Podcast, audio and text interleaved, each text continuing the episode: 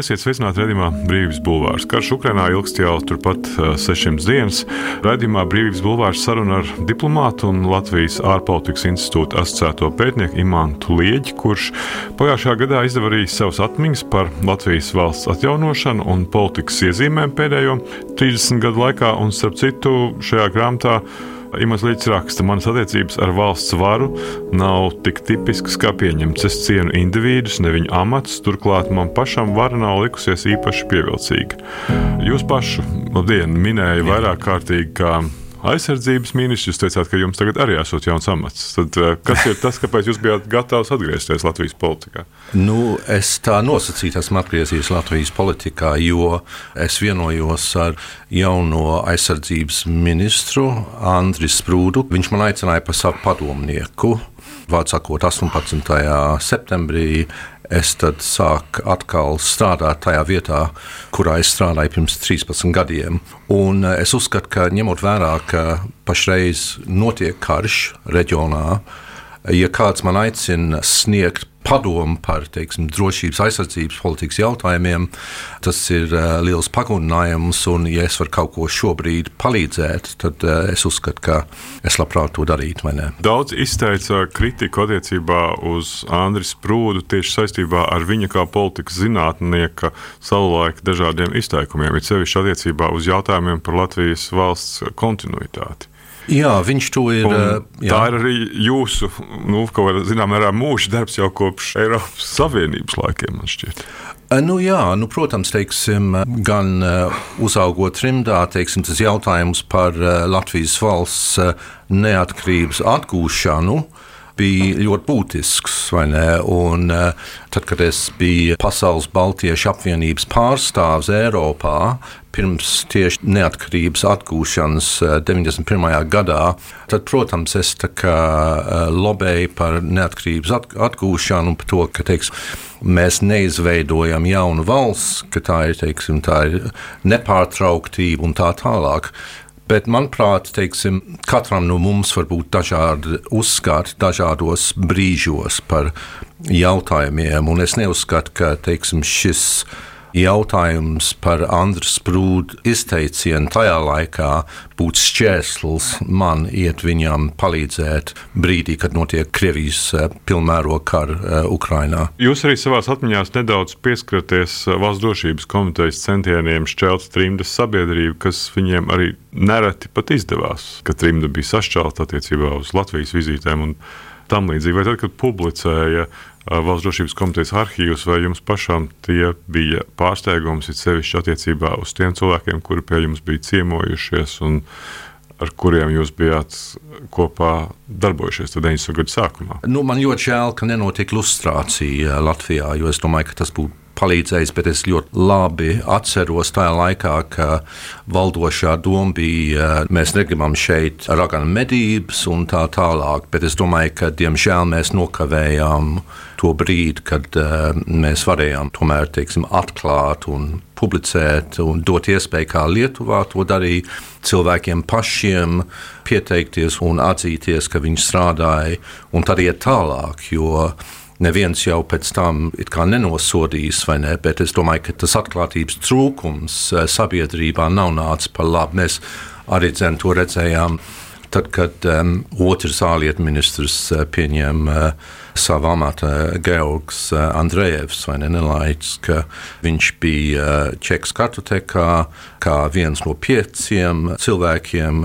Jūs gan arī rakstāt, ka arī tad, kad viņš bija ārlietu ministrs, viņš bija jāiedrošina lietot vārdu okupācija. Jā, nu, tā bija. Tā bija 92. gadā, jo vārds okupācija bija ļoti jūtīgs ārlietu darbinieku starpā tajā brīdī.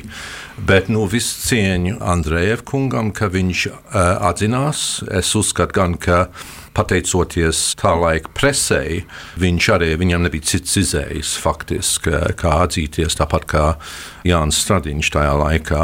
Un līdz ar viņa atzīšanās, tad uh, nebija šantāžēšanas iespējas no Krievijas puses, un tas bija ļoti svarīgi.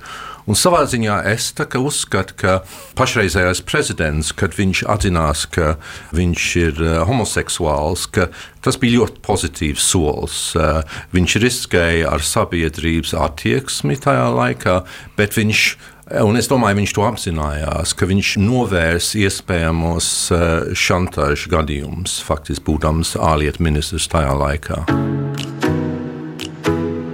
Imants Lieģis ir bijušais Latvijas diplomāts ar valdības un parlamentāro pieredzi. Diplomātsko dienestu atstāja 20. gada jūlijā, pēc tam, kad bija vēstnieks Francijā, strādājis par karjeras diplomātu kopš 1992. gada un bijis Latvijas Republikas vēstnieks Ungārijā, Spānijā, Beļģijā, NATO un Eiropas Savienības politikas un drošības komitejā. Līdz 92. gadam strādājis par juristu Anglijā, kur arī dzimis un izglītojies. No 2009. gada līdz 2010. gadam bija Latvijas Republikas aizsardzības ministrs, pēc tam ievēlēts Sājumā uz vienu gadu, strādājot par Eiropas lietu komisijas priekšstādātāju un delegācijas NATO parlamentārajā asamblējā vadītāju. Latvijas ārpolitikas institūtā viņa pētniecības intereses ir ārpolitika, drošības un aizsardzības politika. Šobrīd aizsardzības ministra padomnieks. Pagājušā gada nogalē iznāca Imants Lieģa atmiņu grāmata Kā es kļuvu par Lietuvas ārlietu ministru, kurā viņš raksta par Latvijas neatkarības atgūšanas pirmajiem soļiem, Latvijas ārpolitikas atjaunošanu 90. gadu sākumā un iestāšanās procesu NATO.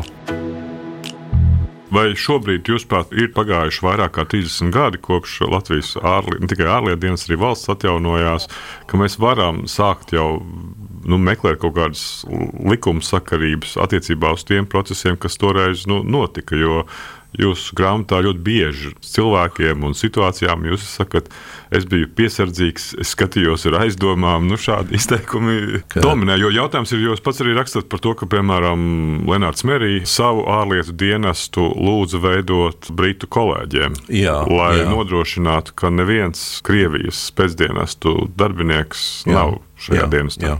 Es domāju, tas palīdz skaidrot, kur mēs šodien esam. Varbūt Kādā ziņā? ziņā? Nu, tādā ziņā, ka tā, tā vēsture nāk līdzi tie 30 gadi, tā piesardzība. Un es domāju, ka ļoti svarīgi, ka cilvēki uh, pieraksta savu pieredzi uh, no tiem laikiem, jo Arī pa trims laikiem jūs prasījāt par čeks centieniem šķelt sabiedrību. Tāpēc es norādīju uz Ulža ģermaņa uh, lomu, ka viņš atmaskoja šādus gadījumus un rakstīja par tiem gadījumiem, par kaut vai par Neilandu, par tiem Latvijas padomju diplomātiem, kas strādāja eh, Stokholmas padomju savienības vēstniecībā. Viņi bija jau, viņi vēl tajā laikā vēl bija arī ārlietu dienestā, kad jūs sākāt, vai ne? Viens otrs vēl parādījās Jā. ārlietu dienestā pa brīnumu, un, un es domāju, ka... Nu, Dažs labs vēl nesen lasīja Stradiņu universitātē Eiropas vēstures, tas skatījos. Tas var gadīties, kā saka, un eh, nu, tā nu mums iet. Jā. Un es domāju, ka ir ļoti svarīgi uh, atkārtot šos faktus un neaizmirst, kas varbūt skaidro lietas. Es priecātos, ja arī būtu teiksim, kāds, kas tos pašus sākuma ārlietu ministrijas gadus varbūt sīkāk izpētīt. Nu, es rakstu atmiņas, tā nav vēstures grāmata. Man bija doma, kā, ka tā, tie notikumi būtu pieejami vieglā veidā, lasām vai ne. Stokholmā joprojām mitinājās spēcīga trimdas saime. Bija prieks un gandarījums ar kolēģiem aizbraukt ciemos pie Ulža ģērmaņa.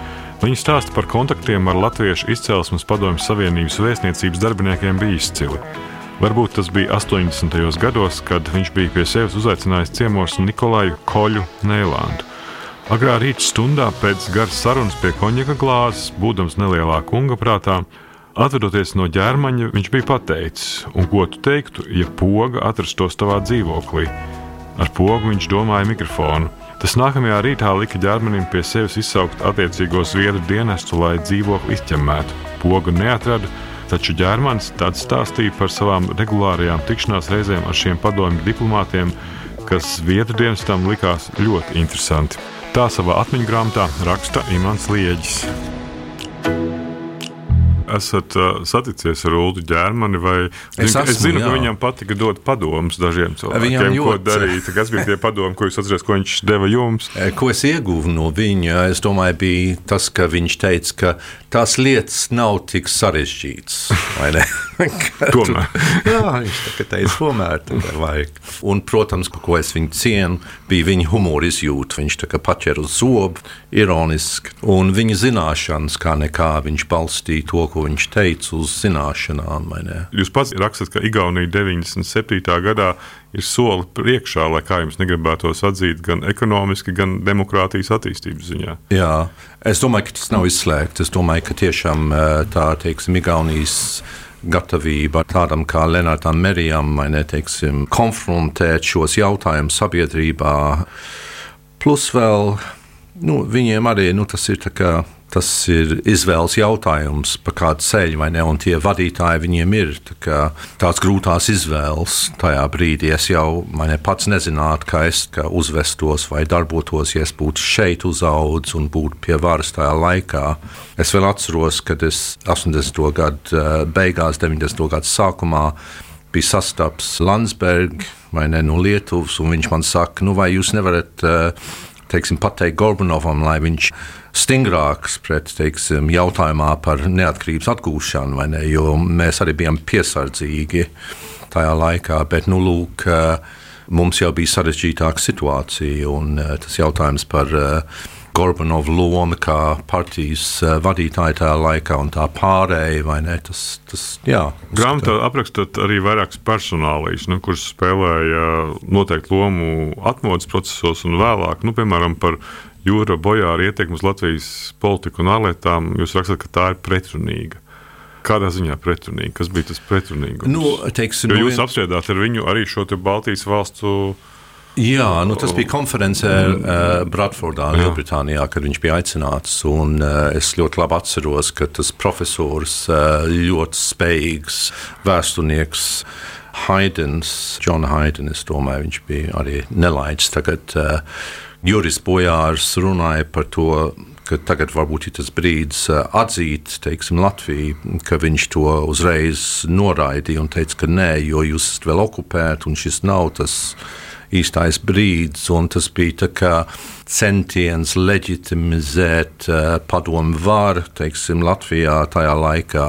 Tā pašā laikā Juris Bojārs atbalstot Vairavīču Freibergu kā prezidenta kandidātu. Uh, 99. gadā es domāju, tas bija ļoti uh, svarīgs moments īstenībā, cik liela viņa loma bija tas ir apstrīdams, jo pēc tam man viens kolēģis teica, tu mazliet pārspīlēji uh, bojā lomu, ka viņš it kā ieved uh, Vairavīču Freiberga saimā tajā laikā. Un, bet, nu, viņam bija bojāra institūts, ko viņš izveidoja uh, juristiem un daudz Tolaik uh, jurists, kas startējās ārlietu dienestā, gaida savu šo institūtu. Nu, jūs rakstāt arī par tikšanos uh, vēlāk, jau kad uh, ārlietu dienestā ar ārlietu ministra Jurkāna iecelto Beļģijas goda konsulu Nilsu Dalmanu, kurš tāds bija pat līdz savai nāvei 2014. gadā, kuram ārlietu ministrija uzrakstīja tādu nu, visaptverošu, ja tā var teikt, nekrologu. Jūs rakstāt, ka nav saprotams, kādēļ tāds uh, turīgs zviedrs Beļģijā kļuva par konsulu, un, un kurš vēl 70. gados bija bieži braucis uz padomju okupēto Latviju.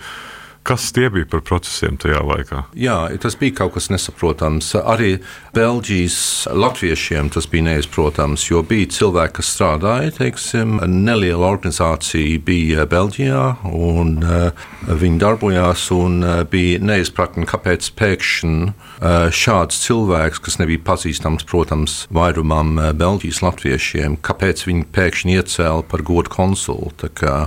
Es arī aprakstu to brīdi, kad uh, kādā sestdienā bija sasaukt uh, sanāksme ārlietu ministrijas telpās un iesoļoja uh, Nils Dalmans, apkampjās ar, ar Mavriku Wolfsonu ļoti sirsnīgi, vai ne? Un tad es sapratu, ka tā draudzība ir sen jau. Man likās, nu labi, viņām ir kontakti visādi ar Ķīnu, tas ir Dalmanam un izrādījās, ka tur bija kaut kāda runa par arī tirdzniecību ar ieročiem, un viņš bija pietiekami cienīgs kā uh, godu konsula kandidāts.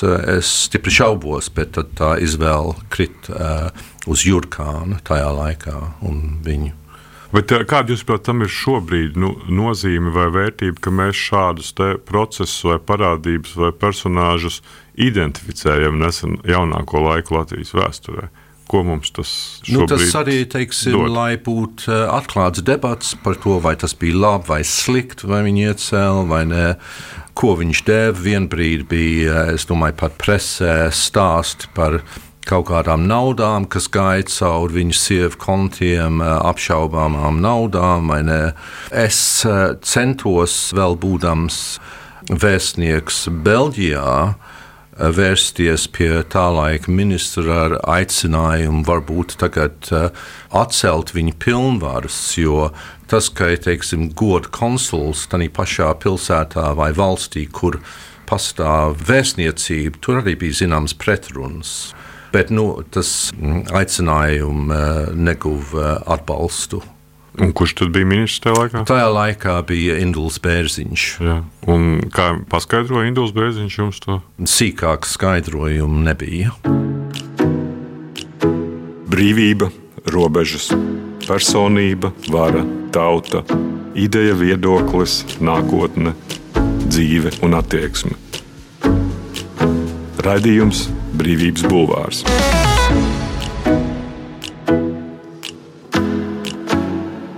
Radījumā Brīvības Bulvārs saruna ar bijušo diplomātu Latvijas ārpolitikas institūta asociēto pētnieku Imantu Lieģi. Pēc Prāgas samita Latvija saņēma ASV brīdinājumu tikt vaļā no čekas darbiniekiem valsts struktūrās. Un, uh, Jūs rakstāt, ka jūs bijāt klāt tajā procesā, kad tas notika Jā. tieši, un ka esat bijis pat saraksts ar uzvārdiem, ja, kas sākumā izraisīs nepatiku. Tā bija. Kā jūs saprotat, vai šis process kaut ko deva, jo tas tika realizēts? Protams, tas tika realizēts, eh, un tas faktiski nozīmēja gan attiecībā uz cilvēkiem, kas strādāja eh, gan pie valsts prezidentes, gan ārlietu dienestā. Viņiem bija jāatstāj savs uh, amats. Un, tas būtu apdraudējis mūsu iestāšanos NATO, jo klasificēt informāciju, tad varētu tikt viņa rokās un tā tālāk. Tā, tas bija ļoti būtisks jautājums tajā laikā. Jo jūs arī rakstat jā, tieši par to NATO iestāšanās brīdi, ka Latvija bija nu, mazāk motivēta iestāties NATO kā Lietuva. Lietuva bija un... ļoti decīga ar iestāšanos NATO. Tiešām tā bija. To varēja izjust, jo bija tas brīdis, kad viņi arī aicināja sabiedrotos vai NATO dalību valsts uzaicināt tikai vienu Baltijas valsts iestāties NATO. Tur bija ļoti bīstams brīdis, jo tajā laikā Igaunija. Ja tā būtu noticis, kas būtu savādāk? Nu, savādāk būtu noticis tas, ka Krievija varbūt saprast, ka sabiedrotie atstāja Latviju Krievijas uh, ietekmes zonā, pelēkajā zonā. Mm. Lai gan neveidojās atklāts konflikts ar smagos korupcijas gadījumos apsūdzēto Ventspils amatpersonu Aivaru Lembergu, dažkārt norisinājās arī pa kādai saķeršanās reizei. Nebija noslēpums, ka viņš ne īpaši atbalstīja NATO. Kādā brīdī es viņu laikam biju nogaitinājis, jo pēkšņi presē parādījās viņa ieteikums ministram Lieģim atgriezties savā Fāterlandē, Lielbritānijā. Lembergs gan bija sajaucis dzimteni ar tēvzemi, taču jebkurā gadījumā netaisījos pieņemt viņa draudzīgo padomu. Tā savā atmiņu grāmatā raksta Imants Lieģis. Nu, bet tas, ka šobrīd uh, valdību veidojošā partija ir saistīta ar cilvēku, kurš ir ASV sankciju sarakstā, cik lieli ri drošības riskus jūs tur redzat? Man bija neformāls sarunas ar vēstnieku jau pirms vasaras par šo jautājumu, un tādā laikā es nezinu, kāda ir viņa attieksme tagad. Viņš teica, ka tas varētu ietekmēt dažus projektus attiecībā uz ekonomiskajiem jautājumiem eh, starp ASV un Latviju. Vai tas vēl ir eh, aktuāls jautājums, to es nezinu pateikt. Jūs savā grāmatā rakstat arī, ka diemžēl jākonstatē, ka dažu politisko partiju slēptā finansēšana melnās kastes droši vien joprojām ietekmē sabiedrības uzticību politiskai sistēmai nu, Latvijā. Kādēļ, jūsuprāt, tā politiskā kultūra nu, tik lēnām mainās un kādā ziņā, piemēram, tiem pašiem progresīviem, ar kuriem jūs esat saistīts, nākas spēlēt pēc tās politiskās kultūras spēles noteikumiem? Nu, viņi eh, tieši nespēlē pēc tādiem noteikumiem, jo es domāju, ka. Nu, valdības tur... veidošanas process mazliet izskatījās. Paga, vispirms par melnajām kastēm. Jā. Es domāju, viens iemesls, kāpēc es atbalstu progresīvos, ir, ka mm. viņi ir ļoti atvērti, viņiem nav slēptās kastes, viņi cīnās pret korupciju, un tas ir pierādījies darbos. Mm. Kosovičs sadarbība ar Knābu Rīgas domē, kad tiesāja domnieku par divu miljonu kukulu mēģinājumu došanu, vai ne? Un tas ir jau notiesāts ekonomiskajā tiesā. Plus, nu, tie bija apsvērumi, kas man lika atbalstīt progresīvos. Protams, viņi ir arī norījuši to krupi par sadarbību ar ZZS, tāpat kā jaunā vienotība to ir darījusi. Tādā ziņā, ja šeit ir divi spēki, teiksim, valdībā, kam tie spēles noteikumi ir, ir skaidrāki un pozitīvāki pret vienu, kas ir miglaināk, eh, jo neaizmirsīsim, ka iepriekšējā valdībā mēs nevaram nepieminēt uh, Nacionālās apvienības saiti caur Helmanu uh, uz Avenu, tiešā ietekmes iespējas no Maskavas uz uh, Nacionālo apvienību un Nacionālās apvienības nespēja attālināties no vai noraidīt šādu sadarbību. Bet to bija grūti pierādīt, kas tur ir pa procesu, vai mēs to nezinām. Citam būtu jāprasa, kāpēc tas bija mm. grūti pierādīt. Atgriežoties pie tā jūsu kompetencēm, kas saistītas ar drošības jautājumu, jūs nesen kādā intervijā izteicāt, ka iespējams Krievija uh, ir gatavāka šobrīd sākt meklēt diplomātiskos risinājumus ar Ukrainu vai vispār šeit jūs redzat, ka ir kaut kura kādā laika posmā Eiropa vai Ukraina varētu atgriezties pie kaut kādām diplomātiska līmeņa instrumentiem attiecībās ar Krieviju? Nu, tas ir, ko Krievija grib, bet ir ļoti svarīgi noraidīt šādu iespēju šobrīd. Un es domāju, mums vajag pilnīgi atbalstīt uh, Ukrainu sagaidīt, ka Ukraina pateiks mums, kad viņi ir gatavi runāt ar Krieviju. Līdz tam brīdim mums nevajag likt spiedienu, nekādu spiedienu uz Ukrainu, lai, lai viņi sāk sarunāties ar Krieviju vai iesaistīties sarunās. Es domāju, ka Ukraina, kas upurē savus cilvēkus, savu valsti, karo par brīvību, par neatkarību, viņi aptur šo Krievijas impērijas uzbrukumu ekspansiju, un līdz ar to teiksim, viņiem ir jābūt noteicēji šajā brīdī.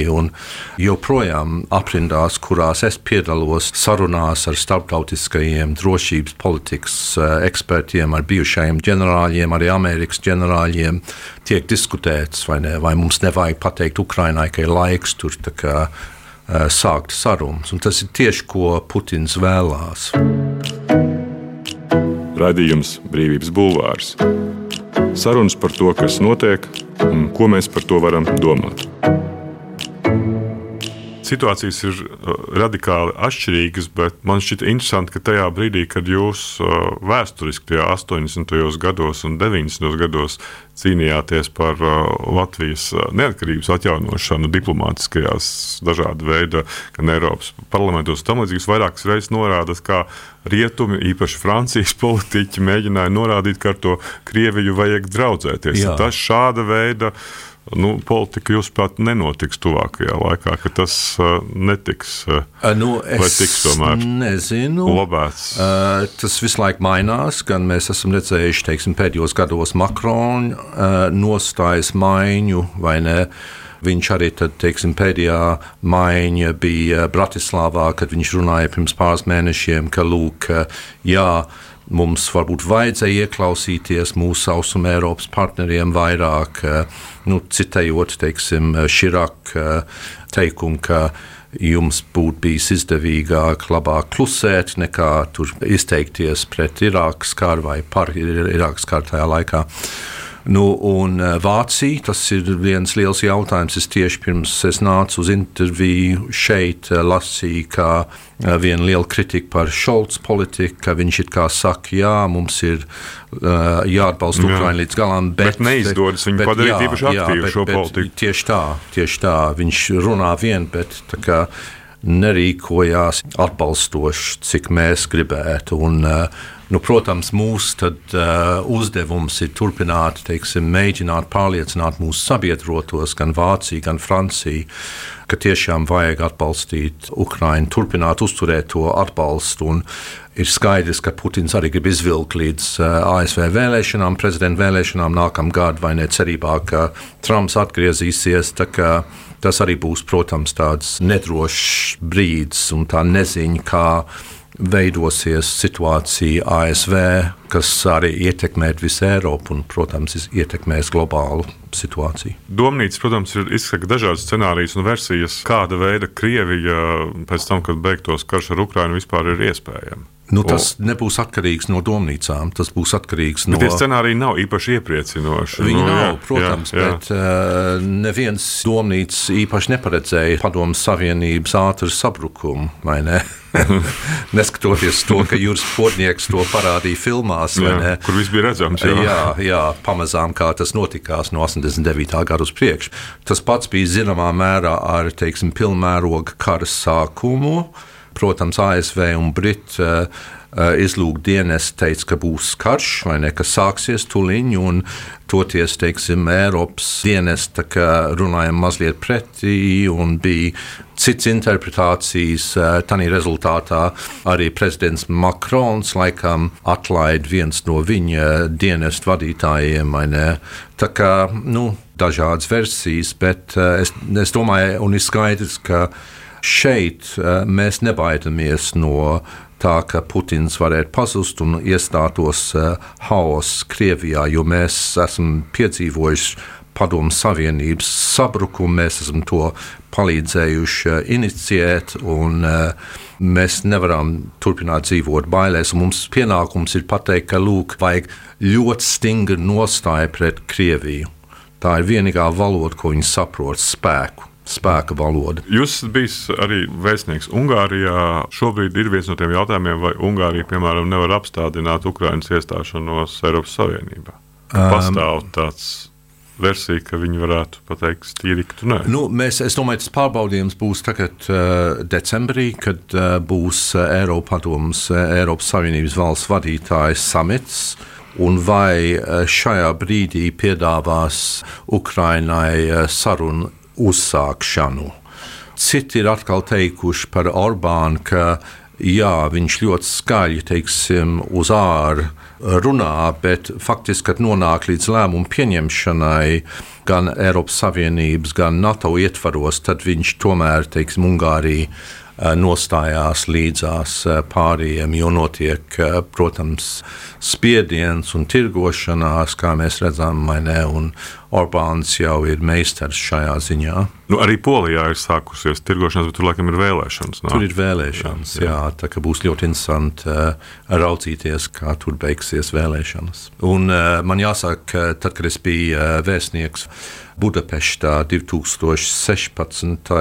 gadā, jā, kad notika iepriekšējās vēlēšanās vai pirms tam Polijā, tad tie polijas labā spāņu, kā viņi pisma, vadītāji, viņi tiešām politiski vadītāji no valdošās partijas.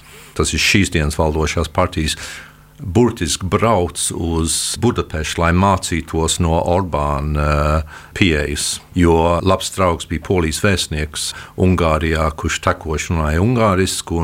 Viņš skatījās un, un brīdināja saviem kolēģiem uh, diplomātiskajā korpusā, ka lūk, varētu atkārtoties Ungārijas variants te Polijā. Un viņām izrādījās taisnība. Mm. Paldies! Tas bija uh, bijušais diplomāts Latvijas ārpolitikas institūta uh, asociētais pētnieks un uh, aizsardzības ministra padomnieks Imants Lieģis. Mans vārds ir Gins Grūbe, ierakstīja Toms Šits un Monteja Normīts. Paldies! Paldies!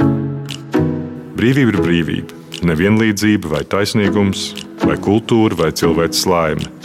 Tā teica Iesai Berlīns. Sarunas ar brīvas apziņas un ideju cilvēkiem raidījumā Brīvības bulvārs.